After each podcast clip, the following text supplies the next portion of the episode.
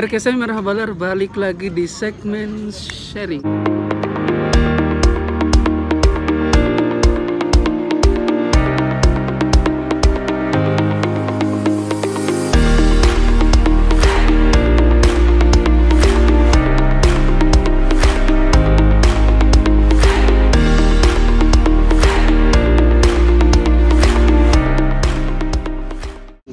Kita bersama our special guest Kak Gebi Fadila, salah satu mahasiswa Indonesia yang sedang kuliah di Rusia, di Moskow ya, Di Moskow. di Moskow. Ini kebetulan kita lagi di kota Samarinda. Janji temu gitu kita pengen sharing budaya Rusia itu kayak apa, terus culture-nya sana itu kayak apa, orang-orangnya kayak apa, karakternya kayak apa. Jadi kalau teman-teman yang masih penasaran sama Rusia itu kayak apa, Eh, dari tahun 2016 ya 2016. berarti udah jalan 4 eh 4 tahun. ya, empat Ya, udah mau tahun kelima. berarti udah semester terakhir. Belum. Belum. Wah, panjang sekali Belum. perjalanan Oh, aku. panjang. Aku insya Allah lulus tahun depan 2022. Lulus tahun depan. Ini kuliahnya di Rusia di kota mana? Aku di Moskow, di ibu Di kota. kota Moskow. Nama kampusnya apa itu? Eh, sebentar ya aku bahasa Inggrisnya Pak. Russian University of Transport. Jadi emang kayak Oh, memang khusus. khusus ya, Oh. jalur transportasi gitu. Kereta api sih lebih tepat. Lebih ke kereta api. Oh iya, aku masih penasaran sama jurusannya kemarin tentang apa kemarin? Aku Man- jurusan manajemen kereta api. Apa gimana Enggak. sih? Aku jurusannya Railway Traffic Management System. Jadi lebih ke sistem per- perkereta apian. Kalau di mm, di mana di KAI itu kalau nggak salah namanya Hmm. Sintelis. Sintelis. Sintelis itu sistem telekomunikasi dan persinyalan gitu deh. Nah, aku yang Hmm. kayak gitu. Oh, oke. Di sana mandiri atau beasiswa? Eh, Alhamdulillah aku dapat beasiswa dari Pemprov Pemprov Kaltim. sini ya. Berarti eh, ke Rusia dengan jurusan railway begitu-gitu tadi Mhm. itu memang rekomendasi dari Pemprov Pemprov Iya. Soalnya di ke- waktu itu Pemprov sini tuh punya project emang buat bikin kereta api, jalur kereta api Ah. untuk pengangkutan batu bara karena kan Iya. batu bara kan pakai ini ya, su- Hmm. lewat sungai. Itu kan lama Iya. waktunya. Nah, kalau pakai kereta api kan lebih cepat. Baik itu tadi sekilas tentang latar pendidikan GB di Rusia. Terus kalau boleh tahu di Rusia itu kalau kuliah bahasa pengantarnya pakai bahasa Inggris, bahasa Rusia atau ada bahasa lain? Bahasa tubuh sebenarnya. Bahasa tubuh ya. Kalau nggak ngerti kan bahasa tubuh. Enggak, enggak bercanda. Awal-awal mungkin bahasa tubuh ya kalau Iya, sama iya, orang heeh. Iya, Kalau nggak tahu bahasa dah. Rusia. Jadi di sana itu aku kuliah pakai bahasa Rusia karena emang bahasa pengantar kuliah bahasa Rusia. Jadi sebelum masuk ke kuliah yang beneran Hmm. itu harus belajar ada namanya kelas persiapan gitu kelas persiapan bahasa. Oh ya ya. sama deh kayak sama gitu. di Turki sama juga ada kelas bahasa. Berapa bulan? Kalau di Turki mungkin 8 bulanan sampai selesai. Kalau dia nggak mogok ya. Heeh. Kalau selesai ikuti step-stepnya sampai level C1 itu bisa. Di Rusia tuh kayak satu dua semester sih. Oh dua semester. Oh dua Sam- semester. Satu ya, tahun berarti. Iya pokoknya dari awal mulai pem- apa sih dari awal tahun pembelajaran itu bulan. September sampai September lagi? eh, enggak enggak sampai mau musim panas liburan musim panas berarti akhir Juni Oh, akhir soalnya Juni. liburan musim panas Juli Agustus Tutup semua. ya soalnya kan kita dingin banget ya Hmm. Pak di sana ya jadi kayak pas panas tuh kita harus keluar gitu di Tur di Rusia sana pakai bahasa Rusia. Iya. Coba dong eh, sedikit-sedikit bahasa Rusia kayak apa? Kalau bahasa Turki kan herkese merhabalar, kan dalam dari salah satu. Halo semua, herkese merhabalar. Halo semua. Gitu. Oh gitu gitu gitu. Hmm, Kalau bahasa Rusia gimana gitu kok? priwet priwet gitu ya Sin priwet minyak uh. Gebi udah apa lagi itu artinya apa Sin priwet tuh halo semua minyak zabut Gaby. nama aku Gaby. oh, gitu. ya jadi sebenarnya kalau ditanya susah apa enggak karena emang di sana kita juga langsung komunikasi sama orang Rusia terus juga kita dengar cara mereka ngomong kayak gimana jadi yeah. ya bisa lah adaptasinya. Nah, itu untuk bahasa. Kalau untuk teman-teman Rusia sendiri gimana sih orangnya sensitifan atau bagaimana? apa ya sebenarnya Biasanya kan kalau budaya Indonesia kan pemalu, terus nggak berani negur langsung, orangnya agak sensitif, cuma lebih di, di, di- dipendam gitu. Biasanya kalau orang-orang Eropa kan kalau begitu marah yang langsung diluapin di tempat begitu. Kalau Rusia bagaimana? Eh bukannya kalau di Indonesia lebih welcome gitu nggak sih kalau sama orang asing? Welcome banget. Iya kan kalau kita. Nah kalau mereka tuh enggak. Jadi ya udah kayak lo gue gue gitu kalau misalnya dia ada kebutuhan ke kita baru dia datang ke kita oh sebenarnya udah gitu. biasa sih jadi le- jadi sekarang udah terbiasa kalau orang datang ke aku ada butuhnya doang iya iya iya.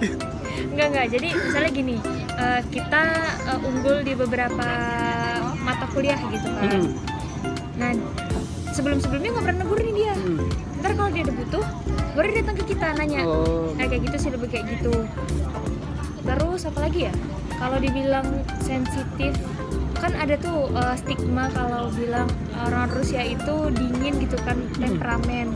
Sebenarnya Hmm. bukan kayak gitu sih, lebih mereka emang datar aja gitu ekspresinya. Padahal mereka tuh nggak marah. Kadang tuh mereka tuh ngasih tau kita, ngasih tau kita tuh baik gitu. Tapi emang nadanya nada tinggi nadanya nadanya tinggi emang datar aja Oh, kayak seolah-olah tuh marah gitu. Padahal enggak Itu mereka ngejarang senyum. Oke, ini ada satu pertanyaan. Sebenarnya dari dari teman aku juga gitu kan.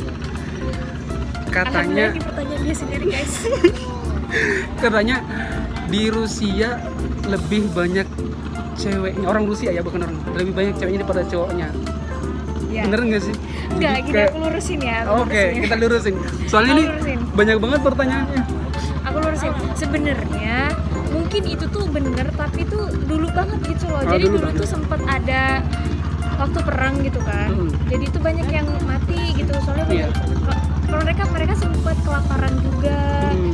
nah jadi banyak yang mati gitu yang lebih bisa survive itu si cewek-cewek dibanding si cowok jadi makanya populasi ceweknya tuh lebih banyak tapi kalau sekarang menurut aku ya dan emang hasil ini juga kita pernah diskusi gini bareng teman-teman udah sama deh kayaknya maksudnya setara aja Hmm.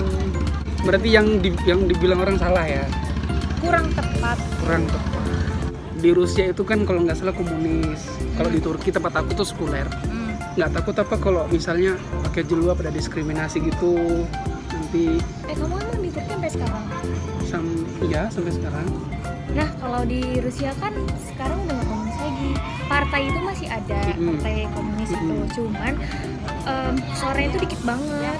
oh gitu Jadi dan mereka itu apa ya kalau misalnya kan kalau di sini lihat Palu Arit itu pasti nggak boleh diambil. Oh iya, di sini heboh banget langsung. Iya kan heboh. Nah kalau di sana mereka tuh nggak nggak nggak menghapus itu karena apa? Karena itu adalah bagian dari sejarah mereka oh ya kayak gitu jadi em, paradigma orang-orang tuh tetap sama sih bisa kayak waktu zaman komunis kayak gini-gini tapi di satu sisi mereka ngelihat kalau itu juga banyak gitu loh sisi positifnya. Hmm.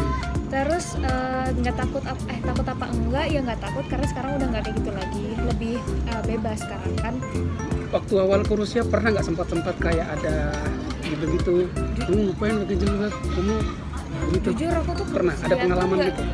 Aku tuh ke Rusia tuh nggak pernah kepikiran ini sih. Maksudnya kayak eh, di sana entah komunis terbakaran kayak gimana gitu enggak karena aku nggak tahu banyak soal Rusia soalnya. Oh, terus eh, didiskriminasi kayak gitu juga nggak pernah sih kalau di kota aku karena kalau di Moskow sendiri ya itu banyak datang dari ini loh eh, daerah-daerah Kazakhstan oh Tajikistan ya gitu. Kazakhstan. Hmm, mereka kan kerja di sana entah itu legal atau ilegal.